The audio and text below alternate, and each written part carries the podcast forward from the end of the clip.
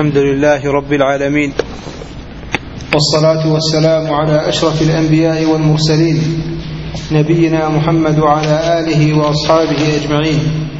اللهم اغفر لنا ولشيخنا وللحاضرين والمستمعين يا رب العالمين.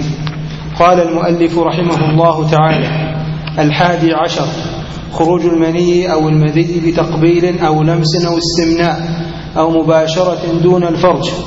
لأنه إنزال عن مباشرة. أشبه بأشبه الجماع وأما المذي فلتخلل الشهوة له وخروجه بالمباشرة. أشبه بالمني. وحجة ذلك إيماء حديث عائشة رضي الله عنها. كان رسول الله صلى الله عليه وسلم يقبل وهو صائم ويباشر وهو صائم ولكنه كان أملككم لإربه. رواه الجماعة إلا النسائي. الحمد لله رب العالمين وصلى الله وسلم وبارك على نبينا محمد وعلى آله وأصحابه ومن تبعهم بإحسان إلى يوم الدين. قال المصنف رحمه الله خروج المني أو المذي، المذي هو ظاهر المذهب على انه أنه إذا تعمد الإنسان إخراجه أنه يفطر. وخروج المني كان بجماع أو بغير جماع إذا تعمد الإنسان إخراجه فانه فإنه يفطر ويقول بهذا ويقول بهذا عامة العلماء ذهب بعض السلف إلى أنه إلى أنه لا يفطر ولو تعمد تعمد ذلك. جاء هذا عن جابر بن زيد كما روى ابن شيبة المصنف من حديث عمرو بن هرم عن جابر بن زيد أنه سئل عن رجل أخذ ينظر إلى امرأته حتى أنزل. هل يجب عليه القضاء؟ قال لا. وأما المذي فما هو محل خلاف عند العلماء وأمره أيسر أيسر من المني. والصواب أن المذي لا يجب لا يجب معه شيء تعمد الإنسان أو لم يتعمد. أما بالنسبة للمني فعمد العلماء وحكي فيه أيضا الاتفاق على أنه بخروجه بخروجه يفطر. وآكد ذلك مسألة الجماع مسألة الجماع. ويذهب إلى هذا ويذهب إلى هذا عامه عامة العلماء. ولكن وهذا ما تقدم الإشارة إليه وأشرنا إلى مسألة الجماع. نقول إن المني في ذاته في ذاته لا يرتبط به حكم في حال في حال الجماع. فقد يجامع الإنسان ولو لم ينزل. ولو لم ينزل فانه فإنه مرتكب مرتكب لكبيرة في نهار رمضان مرتكب لكبيرة في نهار رمضان لهذا لهذا الذي يظهر والله أعلم إن إن مباشرة المرأة حتى الإنزال محرم محرم وهذا وهذا فيما يظهر أنه باتفاق العلماء ولكن هل المني يفطر في ذاته؟ نقول لا يظهر أنه يفطر وإنما الأمر متعلق متعلق بالجماع. و أما في قوله هنا في قوله حديث إيماء حديث عائشة كان رسول الله صلى الله عليه وسلم يقبل وهو صائم ويباشر وهو صائم ولكنه كان أملككم لإربه. آه الإرب قيل أنه الحاجة وقيل أنه أنه آه ذكر الرجل وقيل غير ذلك.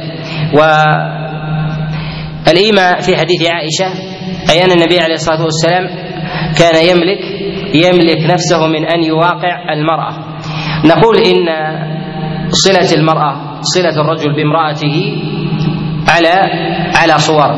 الصورة الأولى هي المحرمة باتفاق باتفاق العلماء وهي الجماع وما في حكمه إذا أنزل من غير جماع. فهذا محرم ولا خلاف عند العلماء في ذلك.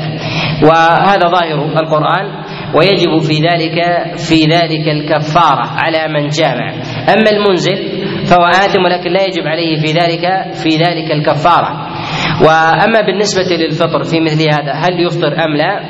هذا محل خلاف عند عند العلماء على التحقيق على التحقيق في ذلك. أكثر العلماء بل عمتهم على أنهم يرون أن ذلك يفطر.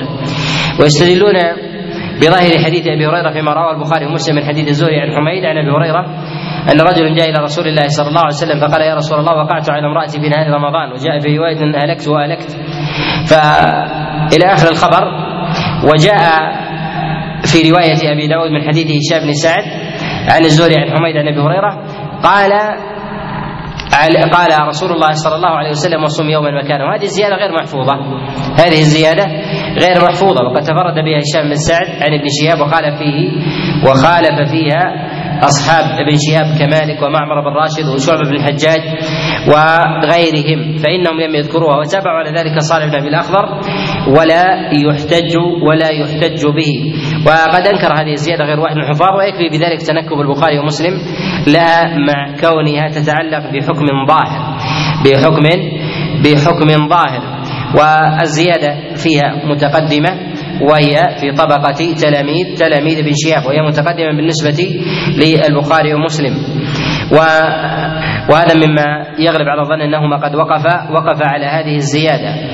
ولهذا نقول إنه لا يلزم من حرمة الشيء من حرمة الشيء أن الإنسان يفسد به العمل أو يقع فيه الحكم وذلك كحال الظهار. فإن الإنسان إذا ظهر من زوجته لا يلزم من ذلك لا يلزم من ذلك وقوع الطلاق أو وقوع الحقيقة وإنما يكون ذلك من الأمور المحرمة.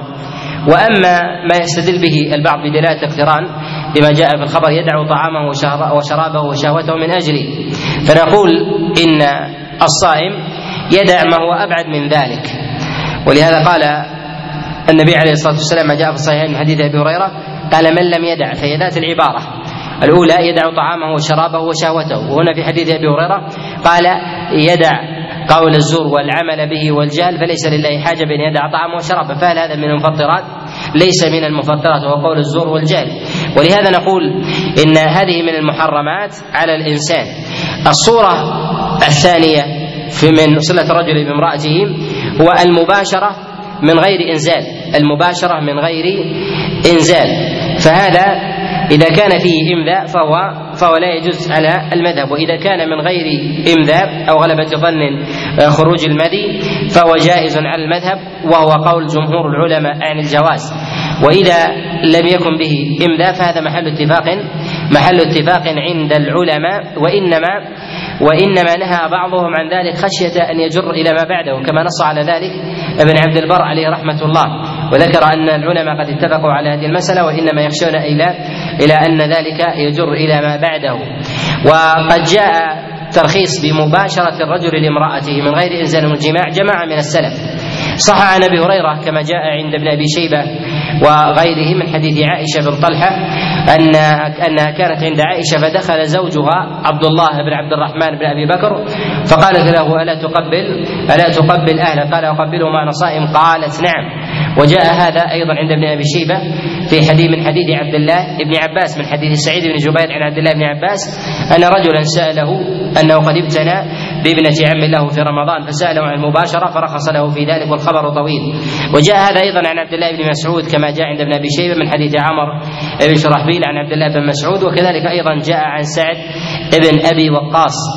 وكره بعض السلف مباشرة المرأة بالقبلة في رمضان وجاء هذا عن بعضهم كما جاء عن ابن الزبير ويروى أيضا عن عبد الله بن عمر. ولكن نهي عن ذلك خشية أن تجر إلى أن تجر إلى المحظور.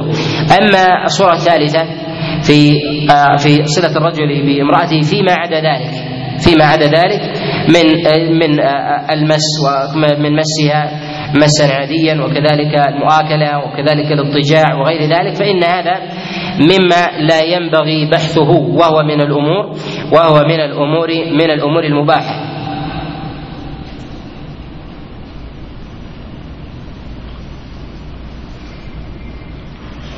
نعم. قال رحمه الله تعالى الثاني عشر كل ما وصل إلى الجوف أو الحلق أو الدماغ من مائع وغيره فيفطر إن قطر في أذنه ما إن قطر في أذنه ما وصل إلى دماغه أو داوى الجائفة فوصل إلى جوفه أو اكتحل بما علم وصوله إلى حلقه لقوله صلى الله عليه وسلم للقيت بن صبرة صبرة. صبر أحسن الله إليك للقيت بن صبر وبالغ في الاستنشاق إلا أن تكون صائما. في هذا يقول في الثاني عشر كل ما وصل إلى الجوف أو الحلق أو الدماغ من مائع. نقول إن المنافذ التي تنفذ إلى الجوف يعني إلى المعدة المنافذ التي تنفذ إليها هي على نوعين. منافذ يقينية ومنافذ ظنية. المنافذ اليقينية هي الفم والأنف. وهي منافذ منافذ يقينية. وهذه إذا وصل إلى جوف الإنسان متعمدا فإنه فإنه يفطر.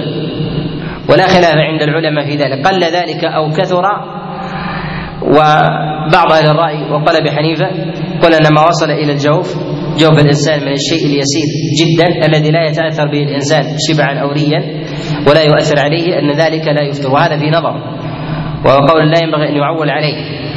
وذلك أن الأجزاء إذا أردنا أن نحكم عليها يشق على الإنسان أن يضبط ذلك خاصة في مسائل الثقة في مسألة القطرة والقطرتين والثلاث. إذا رخصنا في القطرة فما هو مقدارها وحجمها وكمها؟ وكذلك أيضا في كذلك أيضا في الطعام في حبة الحنطة والحبتين والثلاث والأربع. وغير ذلك. فهذا مما لا حد له. لهذا ينهى عن ذلك ينهى عن ذلك كله. وأما المنافذ الظنية وهي العين والأذن فهذه منافذ ظنية. والعين ربما يقطر الإنسان في عينه شيئا ويصل إلى ويصل إلى الجوف لهذا يكره بعض الفقهاء ذلك. وقد جاء النبي عليه الصلاة والسلام أنه كره كره الاكتحال للصائم. وهذا وهذا لا يصح. وقد جاء في المسند وعند أبي داود من حديث عبد الرحمن بن نعمان بن عودة عن أبيه عن جده أن النبي عليه الصلاة والسلام أمر بالكحل عند النوم قال ليتقي الصائم وهو إسناد ضعيف. تفرد به عبد الرحمن بن نعمان عن أبيه عن جده وفي الإسناد جهالة. وكذلك أيضا جاء عن رسول الله صلى الله عليه وسلم الترخيص في ذلك في جملة من الأحاديث من أحاديث أبي العنبس وقد رواه الإمام أحمد وأبو داود أيضا من حديث أبي العنبس عن الاغر أبي هريرة وجاء أيضا من حديث محمد بن عبيد الله بن أبي رافع عن أبيه عن جده أن النبي عليه الصلاة والسلام اكتحل وهو صائم ولا يصح من ذلك من ذلك شيء. ولكن نقول إن العين في ذاتها معلوم بالتجربة أن الإنسان ربما ربما وضع في عينه شيئا ووجد طعمه في حلقه. وهذا وهذا يعرف في بعض الأحيان. لهذا يكره بعض العلماء يكره بعض العلماء ذلك. ولكن نقول إن مثل هذه الكراهة هي على باب الاحتياط لا على باب أن الإنسان لو فعل ووجد أنه افطر لأن مثل هذا أمر نادر ولا يتعلق به حكم هذا أمر نادر ولا يتعلق به حكم ثم إنه لو وصل إلى جوف الإنسان شيء يسير عن طريق عينه فهذا فهذا مما لا يمكن أن يذكر بل هو إذا قلنا إنه أقل مما يصل إلى جوف الإنسان من مضمضته العادية مما يتحلل فإن الإنسان يتمضمض ولو من غير مبالغة. فربما بقي في فمه وهذا قطع لو أردنا لو أردنا أن نضبط ذلك لوجدنا أنه يبقى في فم الإنسان من مضمضته شيء. لو نظرنا فيه لوجدنا أنه يتحلل الجوف ولو لم يجد طعمه من غير أن يشعر ربما يتحلل الجوف ويصل إلى إليه أكثر مما يصل إلى العين. لهذا الكلام والخوض في مسألة العين فيما أرى أنه فيه نظر. وأما بالنسبة للأذن فيذكر أهل الطب انها أنها منفذ إلى الجوف اذا إذا لم يكن ثمة طبلة في الأذن. فإن فإن هذا يوصل إلى الجوف. ويتفقون على أن العين إذا كان على أن الأذن إذا كانت صحيحة أن ذلك ليس بمنفذ ليس بمنفذ إلى الجوف. وهذا يكاد يتفق فيه أهل الطب. وأما ما يتكلم عليه الفقهاء من أنها منافذ وهي ليست منافذ لا يقينا ولا ظنا وذلك كالدبر وكذلك القبل وكذلك أيضا الدماغ ونحو ذلك فإن هذا لا يصل لا يصل إلى الجوف. فلو أن انسانا لبد شعره بشيء لبد شعره بشيء و فإنه لا لا شيء عليه سواء كان رطبا أو يابسا. وما في حكمه أيضا إذا وضع الإنسان الشيء الرطب المبلل على جسده. وذلك أن أن الإنسان في حال صيامه يجوز له أن يغتسل. وكذلك أيضا يجب عليه أن يتوضأ للصلوات. وهذا الماء الذي يضعه على جسده فإنه يخفف يخفف من من حاجته إلى الماء. وهذا أمر معلوم. وهذا أمر معلوم. ولهذا يذكر أهل الطب في حال الإنسان إذا كان شديد العطش وقرب إلى الهلاك ولم يجد ماء أن جسده يبلل أن الجسد يبلل قبل أن يطعم. وذلك لأن الجسد يذهب سائله وهو الماء بوجوه منها السوائل التي تخرج من غير منافذها كالعرق. فإن هذا أصله ماء فيخرج من جسد الإنسان. فإذا وضع الماء فكأنه أغنى الجسد عن إخراج السائل الذي هو فيه فهو أغناه. فهو أغناه ولهذا نقول أن مثل ذلك مثل ذلك لا يضر الإنسان. إذا وضع ماء أو اغتسل أو توضأ أو نحو ذلك وهذا وهذا لا يضر الإنسان بإذن الله تعالى. ومن باب أولى ما يتعلق ما ما يذكره بعضهم من مسألة من مسألة الأمور الحديثة في آه، في آه، العضل ونحو ذلك. كذلك أيضا ما يوضع في آه، العصب من إبر مخدرة أو أو, أو علاج ونحو ذلك. فهذا ليس من منافذ الغذاء لأن مجرى الغذاء هو في العروق ليس ليس في العضل.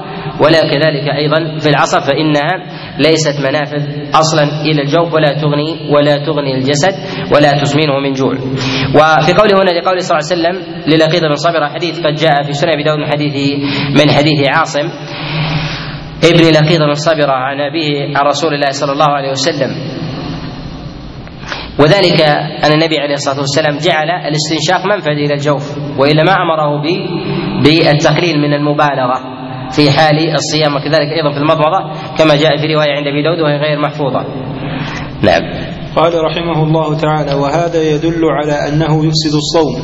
إذا بالغ فيه بحيث يدخل إلى خياشيمه بحيث يدخل إلى خياشيمه أو دماغه. وقيس عليه ما وصل إلى جوفه أو دماغه. وروى أبو داود والبخاري في تاريخه عن النبي صلى الله عليه وسلم أنه أمر بالاثمد المروح عند النوم وقال ليتقه الصائم. هذا الحديث حديث منكر. قد أنكره غير واحد. من العلماء. وقد رواه الإمام أحمد وأبو داود أيضا من حديث عبد الرحمن بن بن نعمان آه، عبد الرحمن بن معبد بن هودة عن أبيه عن جده. وهذا الحديث منكر أنكره يحيى بن معين وغيره. وتقدم الإشارة إليه. نعم. قال رحمه الله تعالى وإن شك في وصوله إلى إلى حلقه لكونه يسيرا ولم يجد طعمه لم يفطر. نص عليه. أو مضغ علكا أو ضاق أو وذلك أن الأصل في ذلك هو بقاء الإنسان على صيامه ولا يفطر بالظن ولا يفطر ولا يفطر بالظن. وذلك أن اليقين لا يزول لا يزول بالشك. نعم. قال رحمه الله تعالى أو مضغ علكا أو ذاق طعما ووجد الطعم في بحلقه فإن لم يجده بحلقه لم يضره. وهذا محل اتفاق. أن الإنسان إذا أدخل إلى فمه شيء ولم يجد طعمه ولم يرد إدخاله إلى جوفه فإنه فإنه لا يفطر به. وهذا لا خلاف فيه. وذلك أن العلماء يتفقون على أن الفم في ذاته ليس من الجوف. ليس من الجوف. وإلا لما شرع النبي عليه الصلاة والسلام المضمضة والاستنشاق ولهذا يمضمض الإنسان ويخرج. كذلك أيضا لو أدخل الإنسان طعاما ثم أخرجه أو أدخل علكا لا طعم له وذلك أنه يوجد من أنواع العلك ما ليس له طعم. يمضغه الإنسان كما يمضغ الإنسان المعدن كما يمضغ الإنسان المعدن في فمه ثم يخرجه ولا يتحلل وهذا لا يفطر. وأما لو مضغه وفيه مادة تتحلل ثم دخل إلى جوفه وتعمد ذلك فهذا مما يفطر به الإنسان. ولا خلاف في ذلك. نعم.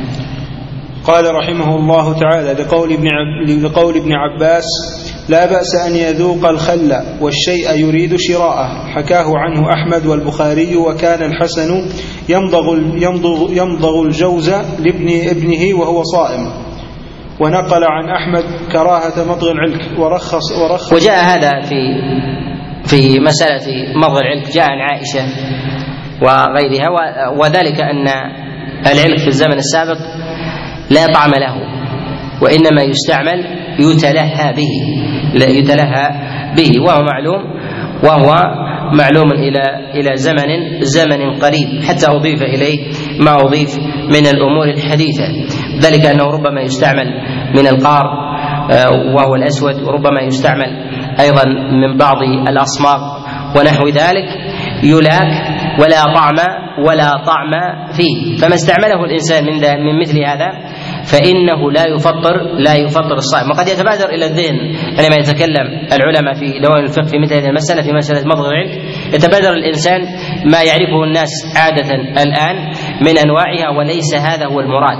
وليس هذا وليس هذا المراد بل هذا طعام. هذا طعام. ويشق على الإنسان أن يمضغ علكا من هذه الأنواع ثم لا يتحلل إلى جوفه. ولهذا نقول إن هذه الأنواع محرمة أن يتناولها الإنسان إلا على سبيل التذوق كما يتذوق الطعام ثم يخرجه حالا. نعم. قال رحمه الله تعالى ورخصت فيه عائشة رضي الله عنها قاله في الشرح أو بلع ريقه بعد أن وصل إلى ما بين شفتيه أو بلع ريق غيره أفطر لأن بلع لأن بلعه من وتقدم معنا مسألة الريق والنخامة ونحو ذلك إذا كانت في فم الإنسان لم تنفصل عنه فهي منه. بقيت فيه أو أرجعها إلى جوفه فإن ذلك لا يفطر الصائم. وإذا انفصلت عنه خرجت من شفتيه خرجت من شفتيه ثم أرجعها فذلك يفطر الصائم. نعم. قال رحمه الله تعالى أو بلع ريق غيره أفطر لأنه بلعه من غير فمه. أشبه ما لو بلع ماء قاله في الكافي. ولا يفطر إن فعل شيئا من المفطرات ناسيا أو مكرها. نص عليه وبه قال علي وابن عمر لحديث أبي هريرة مرفوعا. وفي جاء في ذلك حديث عائشة عليها رضوان الله تعالى وقد رواه الإمام أحمد وكذلك رواه أبو داود في كتابه السنن من حديث مصدع أبي يحيى. عن عائشة عليه رضوان الله تعالى أن رسول الله صلى الله عليه وسلم كان يقبلها ويمص لسانها. وهذا الحديث حديث منكر أنكره غير واحد من العلماء. ومن نكارته أن في ذلك في ذلك تناول مفطر وهو ريق غيره. وهذا لا يمكن أن يقع من النبي عليه الصلاة والسلام. ثم أيضا من وجوه النكارة أن مصدع لا يمكن أن تحدثه عائشة بمثل هذا الحديث فهو منكر من جهة الإسناد ومنكر أيضا من جهة من جهة متنه. نعم. قال رحمه الله تعالى ولا يفطر إن فعل شيئا من المفطرات ناسيا أو مكرها نص عليه. وفي قوله هنا ولا يفطر إن فعل شيئا من المفطرات ناسيا أو مكرها نص عليه. مسألة الأكل والشرب ناسي. ذهب جمهور العلماء وقول أحمد والشافعي وقول أبي حنيفة إلى أنه لا يفطر إذا أكل أو شرب ناسيا. ويستدلون بما جاء في الصحيحين وغيرهما بقول رسول الله صلى الله عليه وسلم من أكل أو شرب ناسيا فليتم صومه فإنما أطعمه الله وسقاه وهذا وهذا خلافا لقول الإمام مالك فإنه ذهب إلى إلى أن من أكل أو شرب ناسيا فإنه يجب عليه القضاء يجب عليه القضاء. وهذا ليس بظاهر لمخالفته للنص الظاهر في ذلك عن رسول الله صلى الله عليه وسلم. وأما بالنسبة للجماع لمن جامع ناسيا هل يلحق بالاكل هما روايتان في مذهب الإمام أحمد رحمه الله. ومن قال في الجماع أنه لا يدخل في لا يدخل في العذر يجب عليه القضاء فإنه في الجماع من باب أولى. هما روايتان في مذهب الإمام أحمد. وذهب ابن تيمية إلى إلحاقه بالأكل إلى إلحاقه بالأكل والشرب وهذا هو الظاهر. ذلك لعموم قول الله جل وعلا ربنا لا تؤاخذنا إن نسينا أو أخطأنا. وجاء النبي عليه الصلاة والسلام عفي عن أمة الخطأ والنسيان. وقد جاء في الصحيح في قول الله سبحانه وتعالى عند قول الله جل وعلا في قول الله جل وعلا ربنا لا تؤاخذنا إن نسينا أو أخطأنا قال لا قال رسول الله قال الله قد فعلت. و مهما كثر أو قل. وهنا مسألة مسألة وهي تذكير الآكل. والشارب ناسيا. هل يذكر أم لا؟ هناك من قال من العلماء بأنه يذكر والذي يظهر لي والله أعلم أنه لا يذكر أنه لا يذكر. وهذا هو الذي فعله عبد الله بن عمر عليه رضوان الله كما رواه كما جاء عند ابن حزم في كتاب المحلى من حديث شعبة عن عبد الله بن دينار عن عبد الله بن عمر أنه شرب ثم أنكر عليه مولى ثم ذكره مولاه فقال أراد الله أن يسقيني فمنعتني. أراد الله أن يسقيني فمنعتني. وبعض العلماء يرى أن منع أو تذكير الإنسان من ذلك أنه من التعاون على البر والتقوى في هذا نظر من وجوه. أولها أن النبي عليه الصلاة والسلام قال فإنما أطعمه الله وسقاه. وهذه منة. هذه منة. فكيف يسمى إثما ثم يسميه الله عز وجل امتنان. ثم يسميه ثم يسميه الله عز وجل امتنان. ثم إن عبد الله بن عمر أعلى ما جاء في ذلك عنه أنه كره تنبيه مولاه له.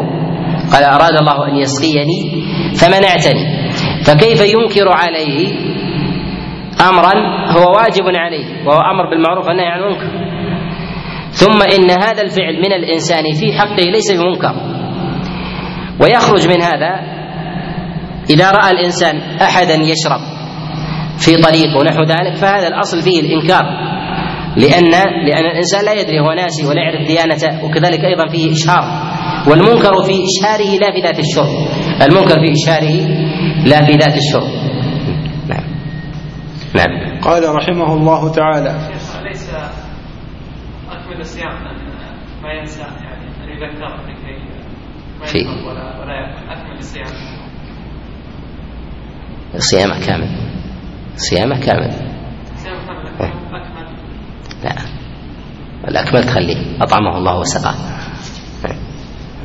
قال رحمه الله تعالى وهنا مسألة أخرى. وهي أن الإنسان إذا أراد أن يجامع زوجته وهو ناسي هل لها أن تذكره أم لا؟ إذا كانت مفطرة هل لها أن تذكر أم لا؟ نعم. لا تذكر لماذا؟ نعم. نعم. أي.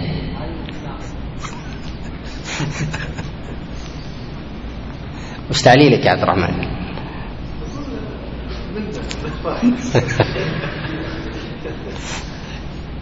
آه، في تعليل في تعليل نقول إن الأكل والشرب أظهر في الفطر الأكل والشرب أظهر في الفطر بخلاف الجماع ولا يختلف العلماء على أن من أكل أو شرب متعمدا أنه يفطر والجماع فيه شيء يسير كما تقدم الكلام عليه. فما ثبت في أمر الجماع يثبت في, الأكل والشرب فإنه يثبت من باب أولى في الجماع. نعم. نعم. أحسن الله إليه قال رحمه الله تعالى في حديث أبي هريرة مرفوعا من نسي وهو صائم فأكل أو شرب. يقول هنا وبه قال علي بن أبي علي بن أبي طالب وابن عمر. علي بن أبي طالب اسناده ضعيف رواه البخاري في التاريخ من حديث أبي إسحاق عن كريم عن الحارث عن علي بن أبي طالب قال طعمة أطعمه الله اياه وحديث عبد الله بن عمر رواه ابن حزم في المحلى من حديث عبد الله بن دينار عن عبد الله بن عمر ورويه عن عبد الله شعبة ابن الحجاج وما تقدم الإشارة الإشارة إليه. و هذا أعلى ما جاء في الباب وهي مسألة تذكير الصائم في حديث عبد الله بن عمر. لهذا نقول إن تذكير الصائم خلاف الأولى. تذكير الصائم إذا شرب أو نسي خلاف الأولى. لماذا؟ لأن هذا هو عمل عبد الله بن عمر ولا أعلم له مخالفا. وقد فعله عبد الله بن عمر ورواه عنه عبد الله بن دينار وهو من أصحابه والذي أنكر عليه مولاه فكأنه في مشهد. ثم أيضا أنكر عليه قال أراد الله أراد الله أن يطعمني أن يسقيني فمنعتني. وهذا في قوله الإرادة. إرادة شرعية. إرادة شرعية أم إرادة كونية؟ الإرادة الكونية لا ترد. الإرادة الكونية لا ترد. ولكن الله عز وجل أراد للإنسان شرعا أن يطعم. وهذه الطعمة إذا قلنا إنها شرعية لا يفسد بها صيام الإنسان. وليس للإنسان أن يرفعها. ليس للإنسان أن يرفعها لأن هذا حكم خاص به وإن لم يكن الإنسان مستحضرا ذلك. نعم. قال رحمه الله تعالى لحديث أبي هريرة مرفوعا من نسي وهو صائم فأكل, فأكل أو شرب فليتم صومه. فإنما, فإنما الله أطعمه وسقاه. رواه الجماعة إلا النسائي. فنص على الأكل والشرب وقسنا الباقي وقيس المكره على من ذرعه القيء. ويدخل في هذا من باب أولى ما لم يكن من الأكل والشرب مما يفعله الإنسان نسيانا. كالحجامة لمن يقول بفطر الحجامة وما في حكمها من التبرع بالدم وكذلك أيضا مما يقول به بعض العلماء بالكراهة من الكحل والمبالغة في المضمضة والاستنشاق وغير ذلك. كل هذا لا يخاطب به الإنسان في حال في حال الكراهة لأنه دون الأكل والشرب. نعم. قال رحمه الله تعالى ولا إن دخل الغبار حلقه أو الذباب بغير قصده ولا, ولا إن دخل الغبار حلقه أحسن الله إليك. قال رحمه الله تعالى ولا إن دخل الغبار حلقه أو أو الذباب بغير قصده ولا إن جمع ريقه فابتلعه لأنه لا يمكن التحرز منه ولا يدخل تحت الوسع ولا يكلف الله نفسا إلا وسعها. قال في الشرح لا يفسد صومه لا نعلم فيه خلافه. أولا بالنسبة لما يشتهر في الدخان وهو الطيب. دخان سواء كان من طيب أو البخور أو غير ذلك فاستنشاقه جائز. فاستنشاقه جائز. كذلك أيضا الروائح الجيدة. لماذا؟ من وجهين. الوجه الأول أن الأصل في الروائح أنها لا تصل إلى لا تصل إلى المعدة وإنما تصل وإنما تصل إلى الرئتين. والرئتين ليست موضع لغذاء الإنسان. و أما الوجه الثاني فإنه لا يثبت عن أحد من السلف فيما أعلم أنه قال بأن الدخان يفطر من دخان النار مع الحاجة إلى ذلك وعموم البلوى به في حال طبخهم فإنهم يطبخون على ذلك النساء من إعداد من إعداد طعام للصبية أو تهيئة إفطار للناس ونحو ذلك.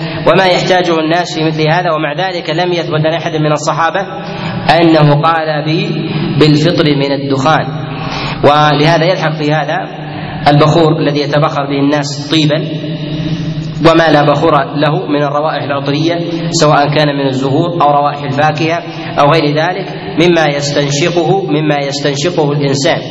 وينبغي للإنسان ألا يتعمد إدخال شيء إلى جوفه عن طريق فمه عن طريق فمه بحيث ربما يستنشق الإنسان أو يبتلع الإنسان هواء ونحو ذلك فيه فيه دخان وهو ذلك كشرب الإنسان للدخان ونحو ذلك. فهذا فهذا مسألته أخرى. قال أو الذباب بغير قصده ولا إن جمع ريقه فابتلعه.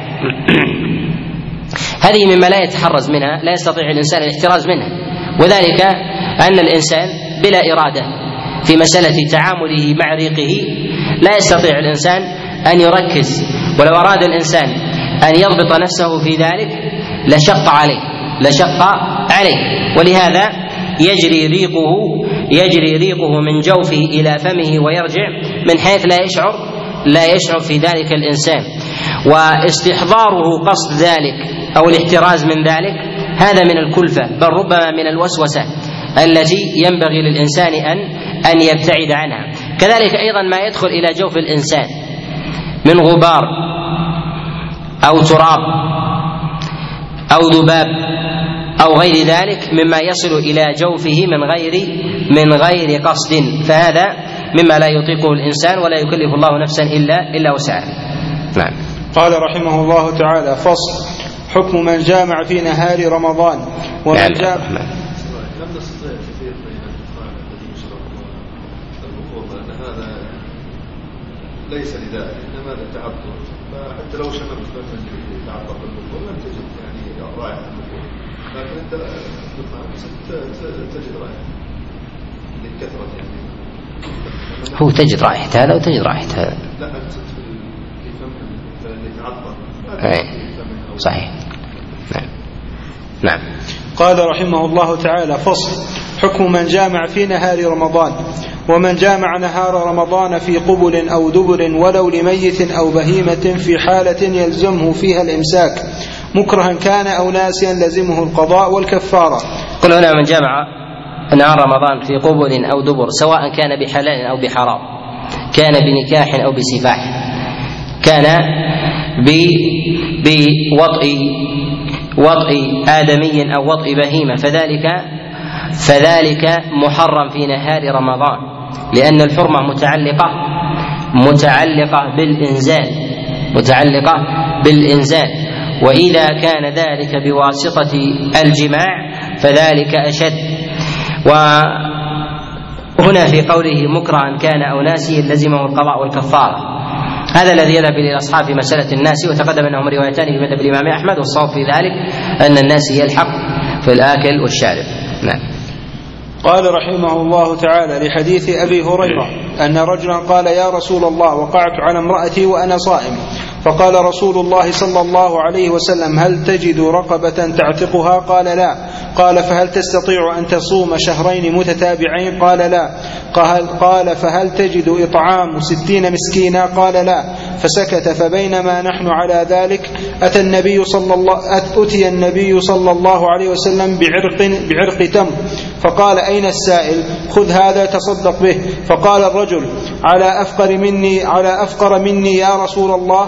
فوالله ما بي فوالله ما بين لابتيها يريد الحرتين أفقر من أهل بيتي. فضحك النبي صلى الله عليه وسلم حتى بدت أنيابه.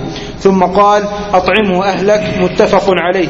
وقال صلى الله عليه وسلم للمجامع صم يوما مكانه. رواه أبو داود. هذه زيادة في زيادة صم يوم المكان كما تقدم. أخرجها أبو داود من حديث هشام بن سعد عن ابن شهاب الزهري.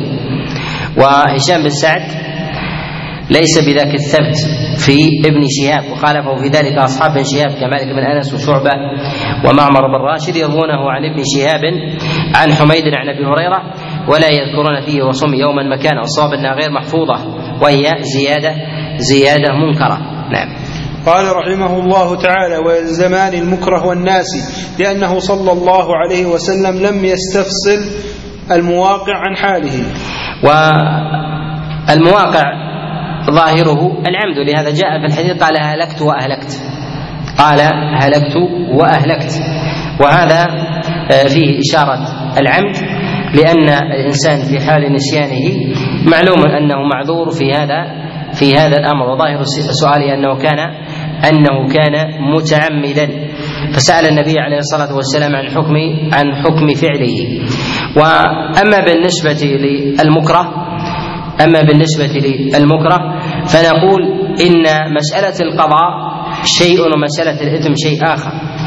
الإثم لا يلحق الإنسان. أما مسألة القضاء فتقدم معنا الإشارة إلى الإشارة إلى مسألة قضاء المجامع. فمن جامع مطاوعة ومن قال بعدم قضائه كما ذهب إلى هذا بعض العلماء كابن تيمية وغيره فإنه لا يقول بقضاء أيضا المكره من باب أولى كذلك أيضا الناس. وأما بالنسبة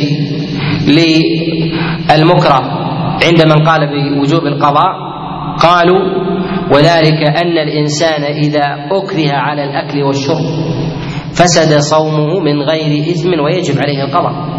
الإنسان حينما يمسك ثم يؤمر بالأكل يؤمر بالأكل غداء وعشاء. هل صيامه صحيح؟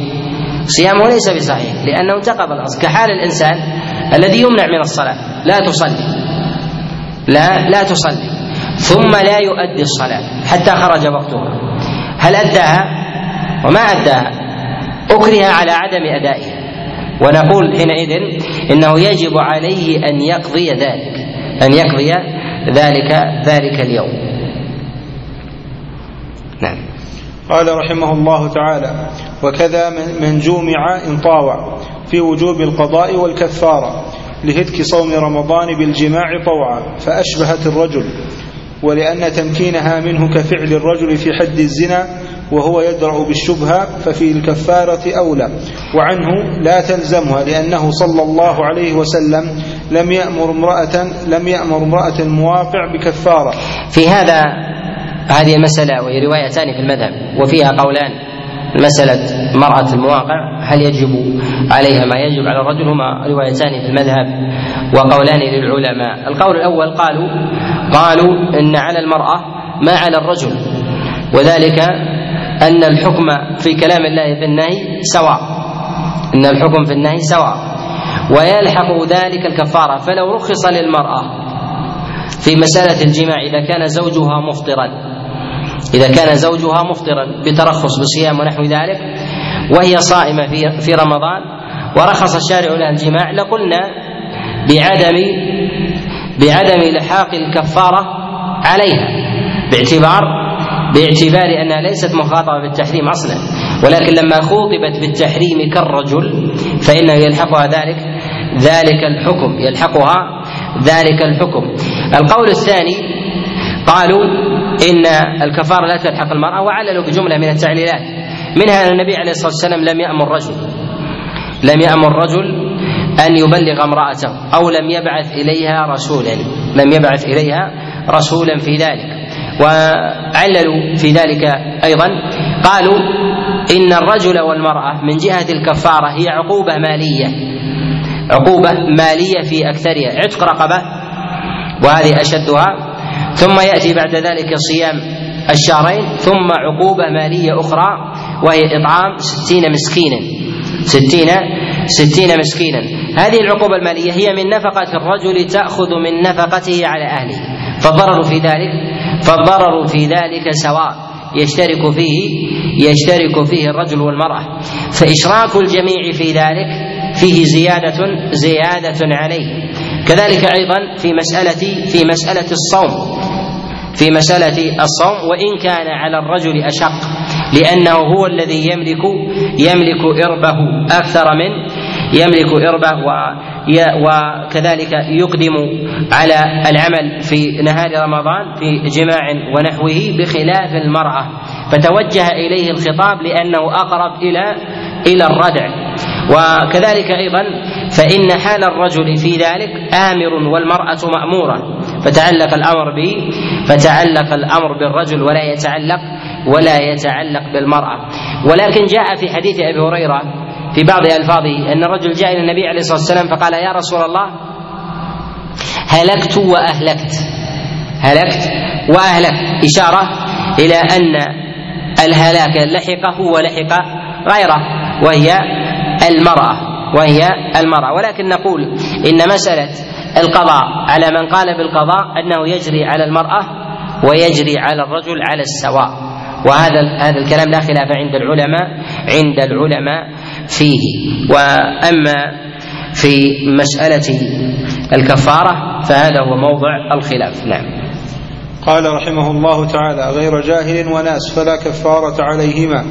رواية واحدة قاله في الكافي الحديث عفي لأمة عن الخطأ والنسيان رواه النسائي. وكأن المصنف رحمه الله يفرق بين من جمع ناسيا أو جاهلا وهي المرأة بخلاف المجامع.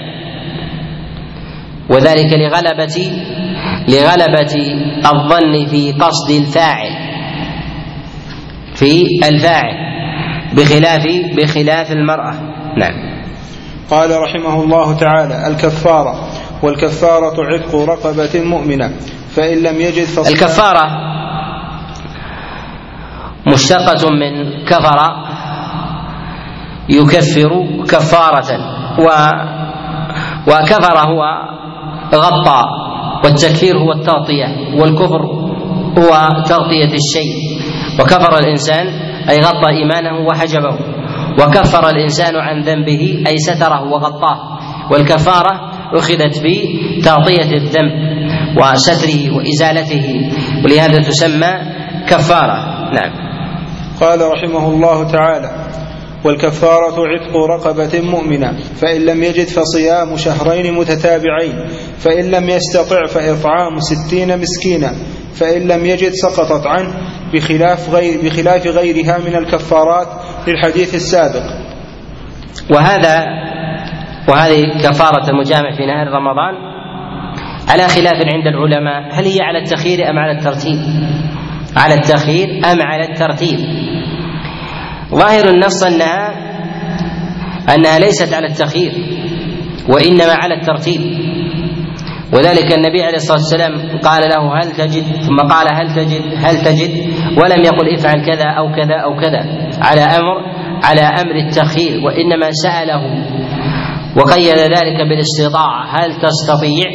وهذا الاستطاعة فيه إشارة إشارة إلى إلى أن الأمر على على الترتيب لا على التخيير. ذهب بعض العلماء إلى أن الأمر إلى أن الأمر على التخيير لا على الترتيب. وذهب إلى هذا بعض الفقهاء منهم أهل الرأي وقول الإمام مالك وقول الإمام مالك رحمه الله وصار في ذلك أنه على الترتيب لا على لا على التخيير وأما إذا لم يجد الإنسان هذه الكفارات لا العتق ولا الصيام ولا الإطعام ولا الإطعام أو وجد الإنسان طعاما عنده لا يكفي إلا لأهل بيته.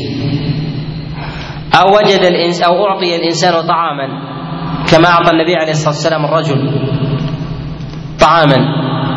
هل ينفقه على أهله على أنه نفقة أم كفارة؟ الذي يظهر والله أعلم أنه نفقه وليس كفارة. أنه نفقه وليس كفارة. والكفارات لا تكون على على من يجب على الإنسان أن ينفق عليهم ولكن لما أعطاه النبي المال ما أراد النبي أن يرجعه إليه. أن يرجعه إليه وجعل نفقة لأهله لأن المال ربما يكون من الزكاة أو من الصدقة. نعم. قال رحمه الله تعالى ولا كفارة في رمضان بغير الجماع والإنزال بالمساحقة من مجبوب أو امرأة قياسا على الجماع لفساد الصوم وهتك حرمة رمضان. يقول ولا كفارة في رمضان بغير الجماع والإنزال بالمساحقة. هناك من العلماء من قال بأن الكفارة المغلظة تكون على من أفطر يوما من رمضان متعمدا. وذهب إلى هذا بعض الفقهاء وجمهور العلماء على عدم ورود الكفارة إلا إلا على المجامع. إلا على المجامع. وقوله هنا ولا كفارة في رمضان بغير الجماع والإنزال بالمساحقة. وما يكون في رمضان مما نهى الله سبحانه وتعالى عنه سواء من الطعام أو من الشراب فذلك لا كفارة فيه. أو غير ذلك أيضا من الإنزال من الإنزال على الصحيح أو المذي أو المباشرة من غير قصد جماع أن ذلك ليس فيه كفارة كما تقدم الإشارة إليه. نعم.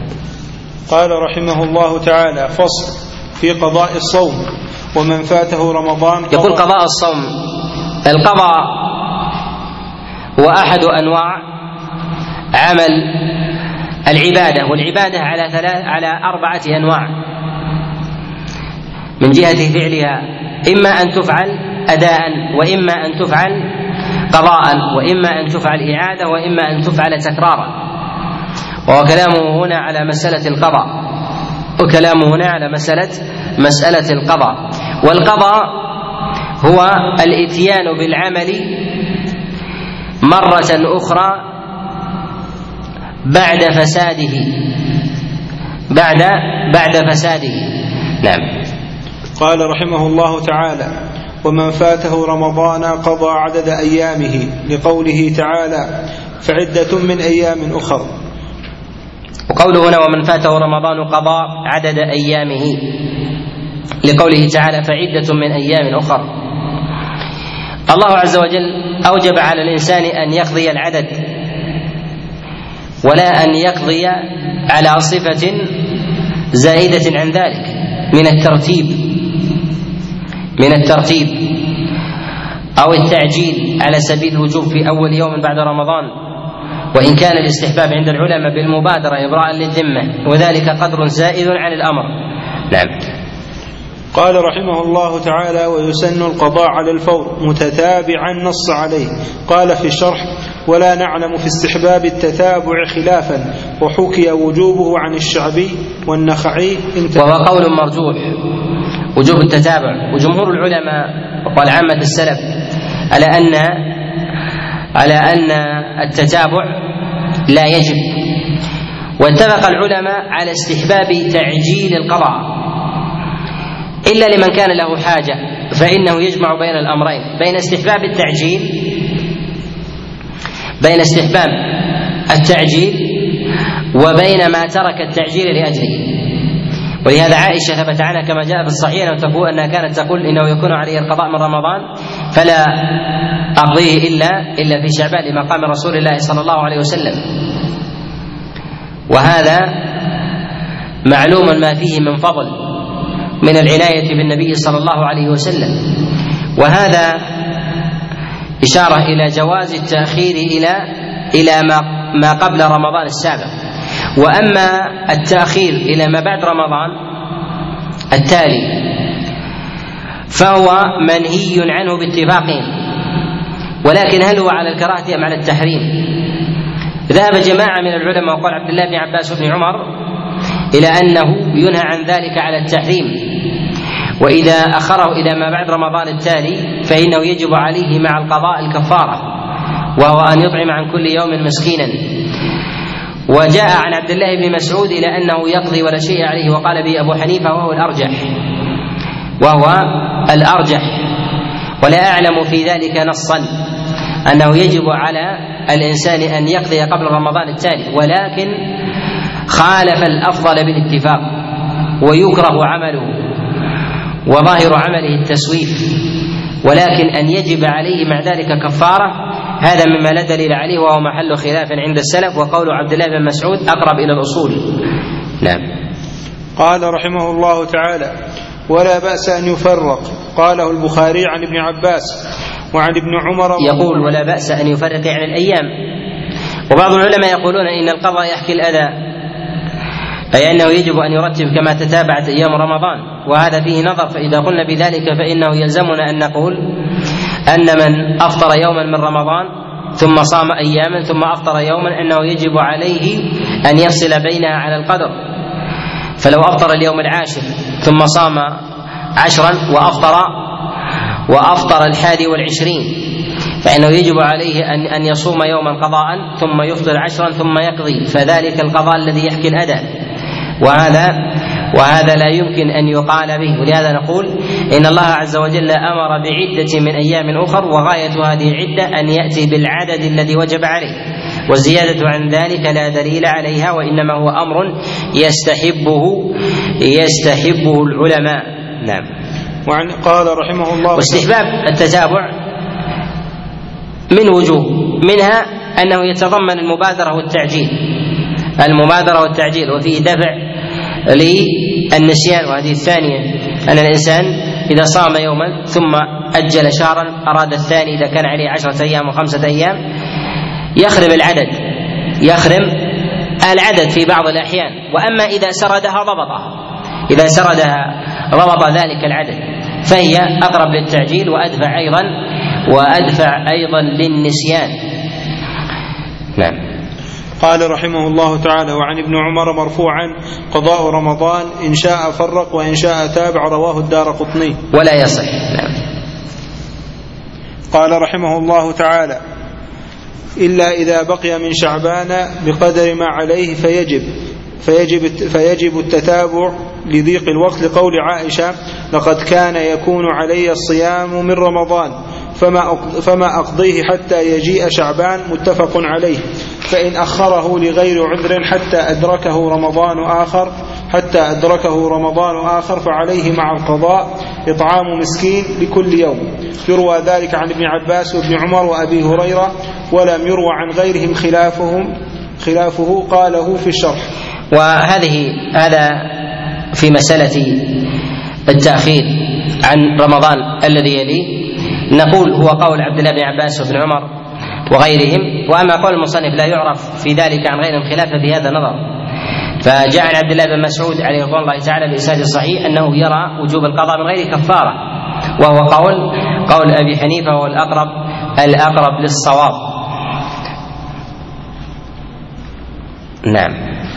قال رحمه والقضاء هنا إنما يتعلق بمسألة من ترك وهو معذور بخلاف المتعمد فإن المتعمد لا يجب عليه القضاء على الصحيح وإنما يجب عليه التوبة والاستغفار لعظم ذنبه لعظم ذنبه. وهو في ذلك مرتكب لكبيره من كبائر من كبائر الذنوب.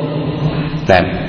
قال رحمه الله تعالى ولا يصح ابتداء تطوع من عليه قضاء رمضان نص عليه. وهذه المسألة في مسألة ابتداء التطوع لما عليه قضاء من رمضان. السلف الصالح يعجلون بقضاء رمضان. وثبت عن عبد الله بن مسعود عن عبد الله ثبت عن عمر بن الخطاب عليه رضوان الله تعالى أنه يجعل قضاء رمضان في العشر في عشر ذي الحجة وذلك لفضلها وأما من أراد أن يصوم الست من شوال قبل قضاء رمضان فهل يصح منه ذلك أم لا؟ اختلف العلماء في هذه المسألة على قولين منهم من منع يستدل بما جاء في الخبر إن الله لا يقبل النافلة حتى تؤدى الفريضة. قالوا والقضاء فريضة. والقول الثاني قالوا بالجواز. قالوا وذلك أن عائشة تؤخر إلى شعبان ويصعب أن تفوت الصيام كصيام عاشوراء وصيام عرفة والأيام الفاضلة من بقية العام. فلا تصوم شيئا من تلك الأيام إلا إلا في شعبان. إلا في قضاء شعبان. وهذا هو الأظهر أنه يصح للإنسان أن يفعل ذلك وجاء هذا وجاء هذا عن سعيد بن المسيب. نعم. قال رحمه الله تعالى فإن نوى صوما واجبا أو قضاء ثم قلبه نفلا صح كالصلاة. يقول فإن نوى صوما واجبا أو قضاء ثم قلبه نفلا صح كالصلاة. وهذا ظاهر المذهب بخلاف العكس. إذا صام الإنسان نافلة ثم أراد أن يجعلها فرضا أن يجعلها أن يجعلها فرضا فنقول حينئذ لا لا يجوز له ذلك أو لا يصح منه. وإنما تبقى على ما هي عليه لأن الفرض محل النية الليل. بخلاف أبي حنيفة فإنه يرى يرى صحة ذلك. فإذا نوى من النهار الفريضة قال يصح منه يصح منه ذلك الصواب أنه لا يصح. نعم. قال رحمه الله تعالى صيام التطوع ويسن صوم التطوع وأفضله يوم ويوم. لحديث عبد الله بن عمرو قال قال رسول الله صلى الله عليه وسلم أحب الصيام إلى إلى الله أحب الصيام إلى الله تعالى صيام داود. كان يصوم يوما ويفطر يوما متفق عليه. وهذا لا خلاف عند العلماء في فضله أنه أفضل الصيام أن يصوم الإنسان يوما ويفطر يوما. لمن أطاق واستطاع ولم يضر ببدنه. نعم. قال رحمه الله تعالى ويسن صوم أيام البيض وهي, وهي ثلاثة عشر وأربعة عشر وخمسة عشر لقول أبي هريرة أوصاني خليلي صلى الله عليه وسلم بثلاث. صيام ثلاثة أيام من كل شهر. وركعتي الضحى وأن أوتر قبل أن أنام متفق عليه. وعن أبي ذر قال قال رسول الله صلى الله عليه وسلم يا أبا ذر إذا صمت من إذا صمت إذا صمت من الشهر ثلاثة ثلاثة أيام فصم ثلاثة ثلاث عشرة وأربع عشرة وخمس عشرة رواه الترمذي وحسنه وحسنه. هذا صيام ثلاثة أيام من كل شهر من غير تحديد هذا ثابت في الصحيحين.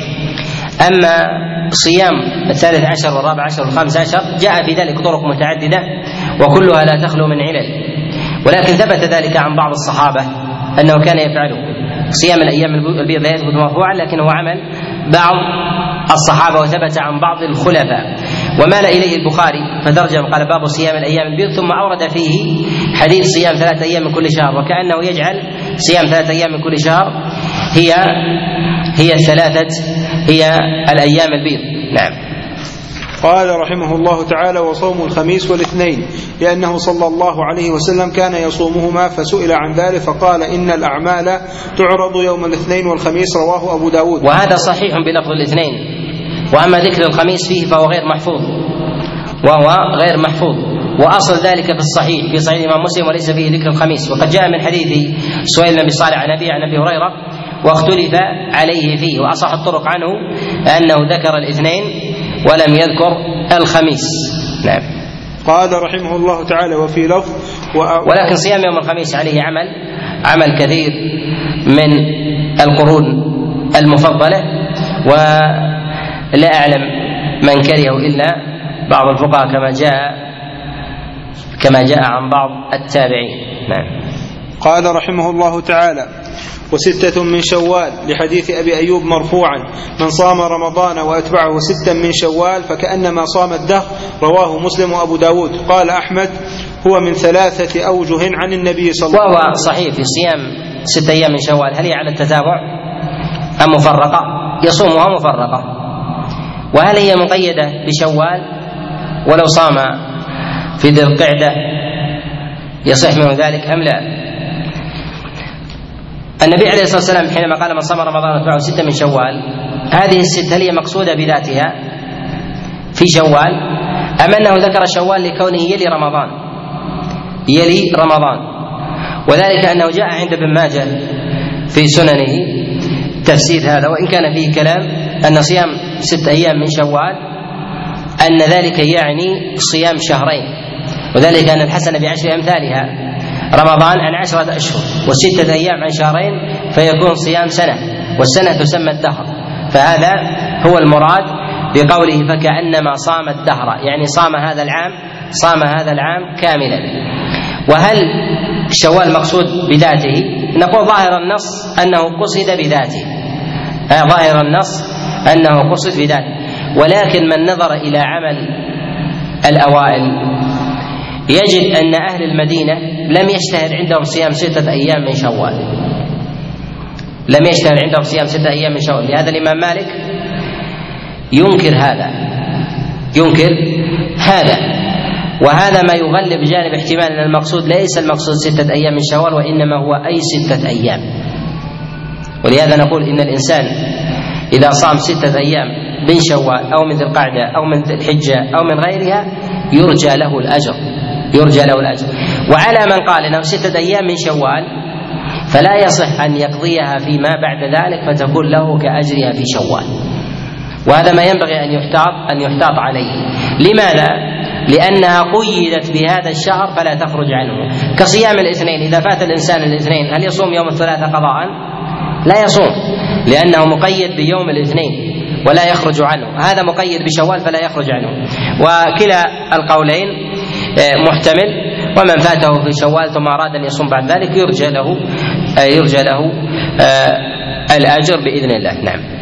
قال رحمه الله تعالى ويسن صوم المحرم بحديث أبي هريرة مرفوعا أفضل الصيام بعد رمضان شهر الله المحرم رواه مسلم. قال رحمه الله تعالى وآكده عاشوراء وهو كفارة وآكده عاشوراء. وآكده عاشوراء وهو كفارة سنة. لحديث أبي قتادة عن النبي صلى الله عليه وسلم أنه قال في صيام يوم في صيام يوم عاشوراء إني أحتسب على الله أن يكفر السنة التي بعده. صيام يوم عاشوراء سمي عاشوراء لأنه اليوم العاشر محرم. وما قبله تاسعاء وثامنا وسابعاء وهكذا.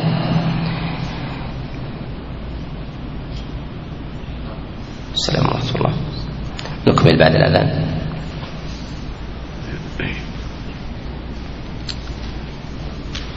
أول ما شرع الله عز وجل صيام أيام عاشوراء كان واجبا كما جاء في المسند من حديث عبد الرحمن بن أبي ليلى عن معاذ بن جبل وذكر فيه تفصيل الصيام. وشرع الله عز وجل لأن ذلك اليوم يوم نجى الله فيه موسى من فرعون. فصامه النبي عليه الصلاة والسلام. فلما كان اليهود يصومونه أمر النبي عليه الصلاة والسلام بمخالفتهم وهو أن يصام أن يصام يوما قبله.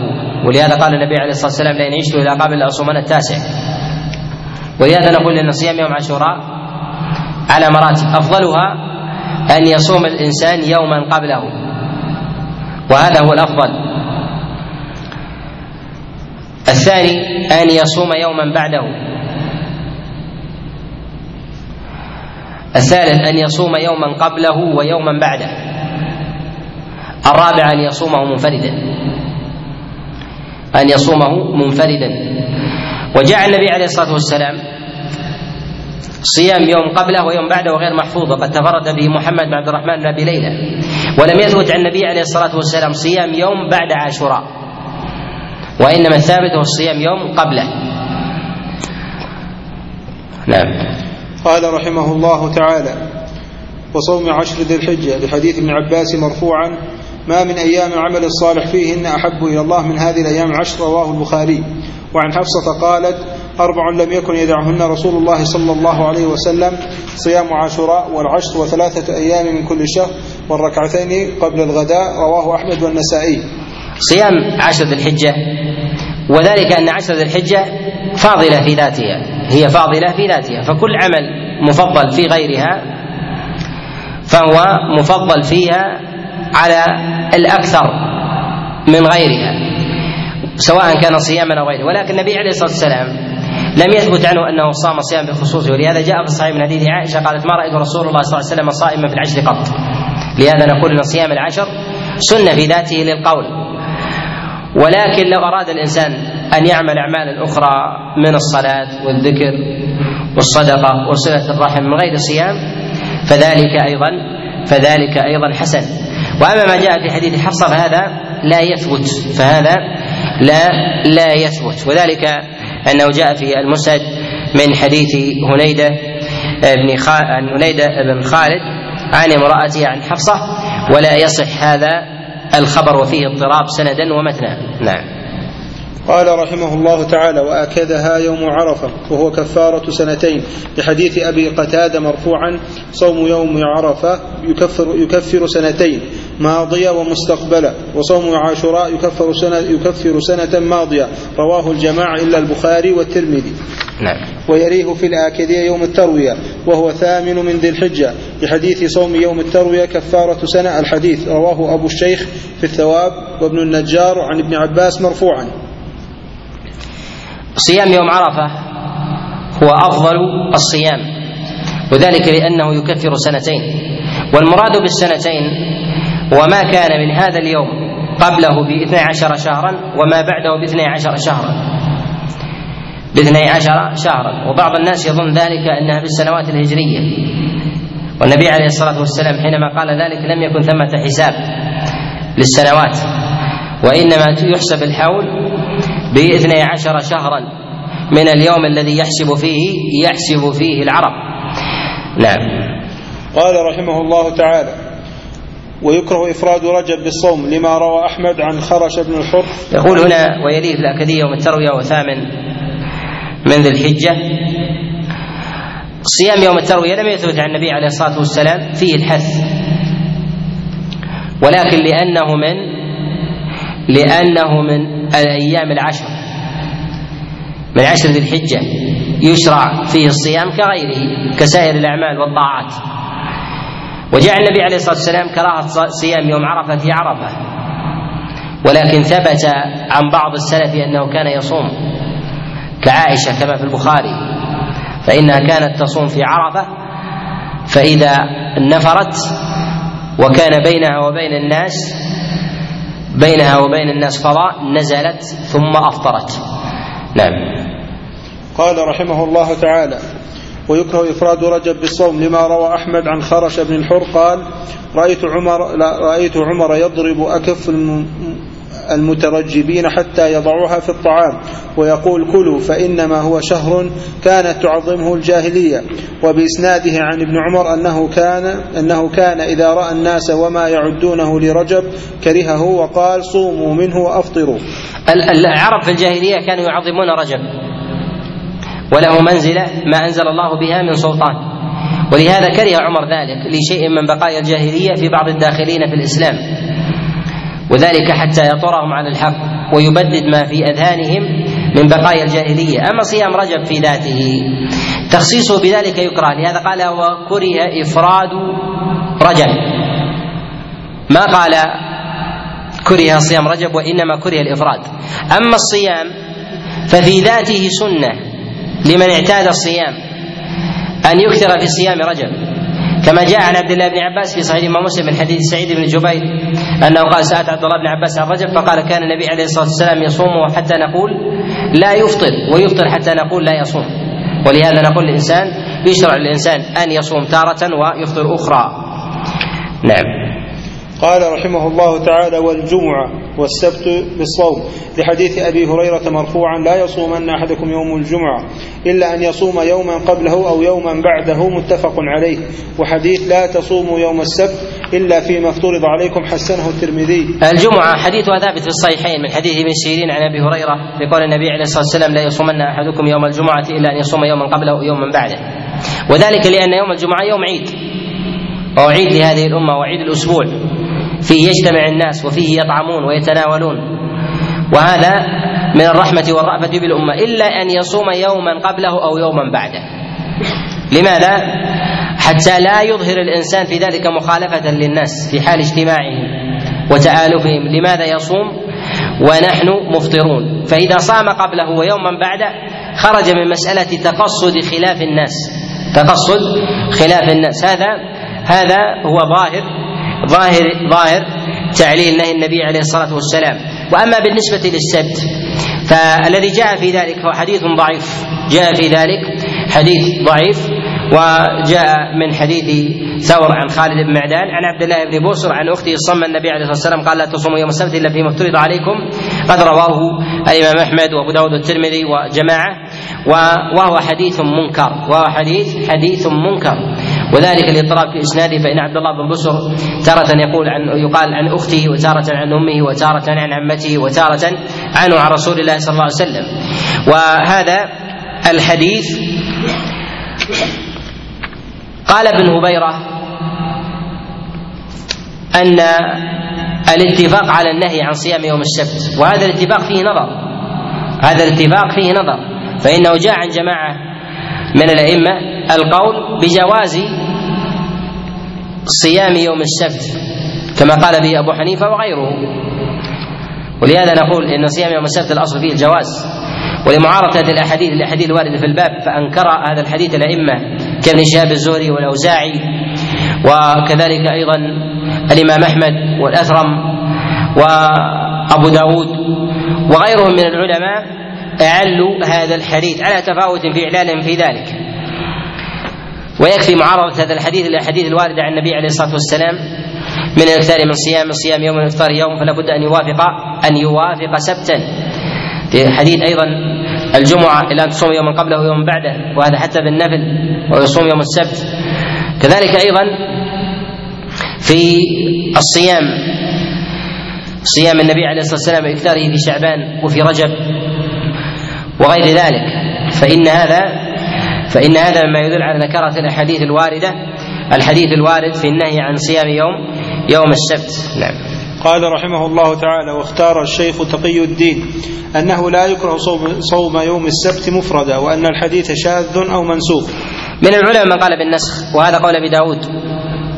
قول أبي داود وظاهر كلام النسائي بانه بأنه منسوخ. وبعض العلماء يرى أنه كذب وقول مالك ومن العلماء من ينكره ويطرحه ومن العلماء من يصححه قول الترمذي وابن خزيمة وابن حبان وجماعة.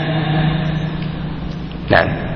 قال رحمه الله تعالى وكره صوم يوم الشك تطوعا لقول عمار من صام اليوم الذي يشك فيه فقد عصى أبا القاسم صلى الله عليه وسلم. رواه وهذا تقدم معنا وهنا المعصية ظاهرها الإثم. وظاهر النص هنا التحريم. ومن العلماء من قال بالكراهة. والذي يظهر والله أعلم التحريم وتقدم الإشارة معنا على مسألة صيام يوم الشك. نعم. قال رحمه الله تعالى وهو الثلاثون من شعبان إذا لم يكن غيم أو قتل عند أصحابنا. وهذا تقدم أيضا الكلام عليه في مسألة التفريق بين يوم الثلاثين ويوم الغيم. نعم. ويحرم صوم وقال رحمه الله تعالى ويحرم صوم العيدين إجماعا لحديث أبي هريرة مرفوعا. نهى عن صوم يومين يوم الفطر ويوم الأضحى. وهذا بالاتفاق. وذلك لأنها أيام أكل وشرب. ففي الفطر في إظهار شعيرة الإفطار بعد قضاء الشهر وإظهار الامتنان لله سبحانه وتعالى أن من على الأمة وأكمل عليه العدة وزيادة في ذلك هو خلط بين الفريضة وبين صيام الإنسان في ذاته تعبدا وهذا أمر مخالف. ولهذا نقول إن صيام يوم العيد محرم ويوم الأضحى هو يوم أكل وشرب واجتماع الناس ويوم النحر وهو نحر الهدي ونحر الأضاحي وذبحها فيستحب الإنسان أن يطعم فيها. واجتماع الناس ومخالفتهم في ذلك محرم. نعم. قال رحمه الله تعالى وأيام التشريق في حديث وأيام منى أيام أكل وشرب رواه مسلم مختصرا وصيام أيام التشريق هل النهي هنا خاص بالمحرم خاص بالمحرم أم هو عام؟ ذهب بعض العلماء إلى أنه خاص بالمحرم وهذا قول عطاء كما رواه عبد الرزاق عن ابن جريج عن عطاء أن ذلك خاص بمن كان محرما في الحج. وأما من كان غير محرم قال فيجوز له أن يصوم. وذهب جمهور العلماء إلى النهي عام إلى أن النهي في ذلك عام وقال مالك والشافعي وأحمد وغيرهم. وهذا هو الظاهر لأن النبي عليه الصلاة والسلام قال أيام أكل وشرب وهي أيام أكل وشرب للحاج وغير الحاج لأنها أيام ضاحي. ولهذا يسوغ للإنسان أن يذبح أضحيته في اليوم الأول ويوم النحر ويوم الثاني أو يوم الثاني أول أيام التشريق واليوم الثالث واليوم واليوم الرابع. وأيام التشريق هي ثلاثة أيام بعد يوم النحر. وهو اليوم الحادي عشر والثاني عشر والثالث عشر والعاشر محرم. وهل النهي هنا للتحريم أم للكراهة؟ الذي يظهر والله أعلم أنه لي للكراهة لا للتحريم. وذلك أن جماعة من السلف يجيزون صيام أيام التشريق لمن لم يجد الهدي كفارة في الحج. كما جاء هذا عن عبد الله بن عمر وغيره. نعم. قال رحمه الله تعالى إلا للمتمتع إذا لم يجد الهدي لحديث ابن عمر ولو كان محرما لما جاز كصيام يوم العيد فإن يوم النحر محرم حتى لمن لم يجد الهدي. باتفاق العلماء ولو كان تحريمه كقدره لاشترك في الحكم من جهة النهي حتى لمن لم يجد الهدي. إلا للمتمتع إذا لم يجد الهدي لحديث ابن عمر وعائشة لم يرخص في أيام التشريق إلا أن يصم. إلا لمن لم يجد الهدي رواه البخاري. ومن دخل في تطوع لم يجب إتمامه لحديث عائشة. قلت يا رسول الله أهديت أهديت لنا هدية أو جاءنا رزق وقد خبأت لك شيئا. قال ما هو؟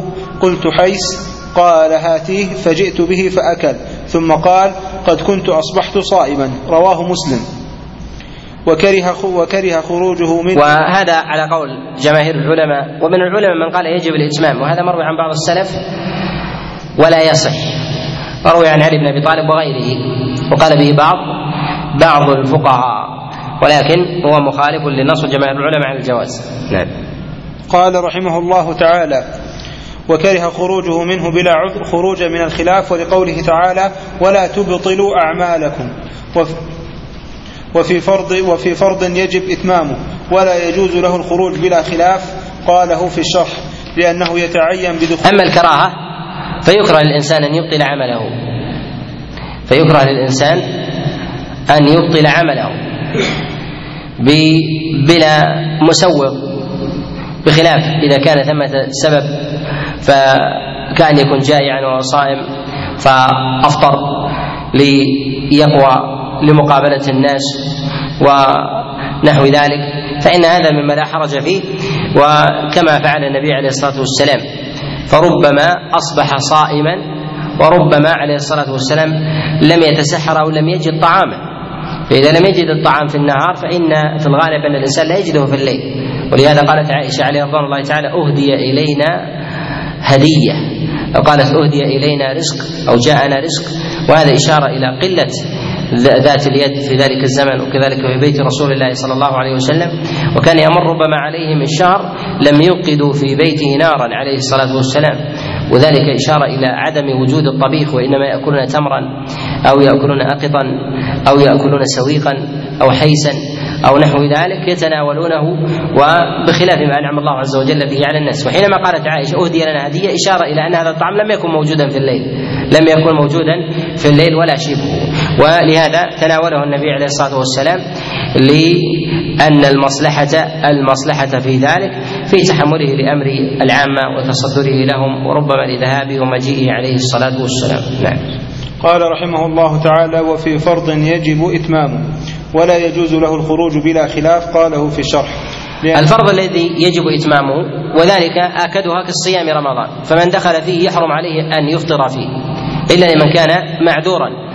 ومن ترخص بالسفر وتقدم الكلام عليه لمن كان صائم وطلع عليه الشمس وهو مقيم ثم سافر هل يفطر أم لا؟ تقدم الكلام على هذا وبعض العلماء يشدد في هذا. وأما بصيام الفرض في غير ذلك كصيام القضاء. الإنسان نوى أن يقضي عليه من رمضان ثم نوى من الليل ثم طلع عليه الفجر ثم أراد أن يفطر في النهار، هل له أن يفطر في ذلك أم لا؟ جماعة من العلماء يحرمون عليه هذا وهو ظاهر المذهب. قالوا لأن القضاء يحكي الأداء فيجب عليه الإتمام. يجب عليه الإتمام وهذا صيام فريضة. وهذا هو الأرجح. وهذا هو الأرجح أن الإنسان لا يفطر في ذلك اليوم. نعم. قال رحمه الله تعالى لأنه يتعين بدخوله فيه فصار كالمتعين. والخروج من عهدة الواجب متعين وإنما دخلت التوسع في وقته رفقا فإن بطل فعليه إعادته. ما لم ما لم يقلبه نفلا فيثبت له حكم النفل. وهذا هنا يستثني وتقدم على الكلام إذا كان الإنسان في فرض ثم قلب نفل فإن هذا جائز. وإذا كان الإنسان في نفل ويقلبها فرضا يقول أني أصوم الاثنين ثم تذكر عليه قضاء من رمضان فقال أريد أن أجعل هذا اليوم قضاء عن ذلك اليوم. لا يصح منه هذا لأن الفرض نيته الليل لا نيته النهار. وأما إذا أراد أن يجعل الفرض نفل فهذا جائز في ظاهر المذهب كما تقدم الإشارة إليه. وبهذا ينتهي كتاب الصيام من منار السبيل. أسأل الله جل وعلا لي ولكم التوفيق والسداد والإعانة إنه ولي ذلك والقادر عليه. وصلى الله وسلم وبارك على نبينا محمد.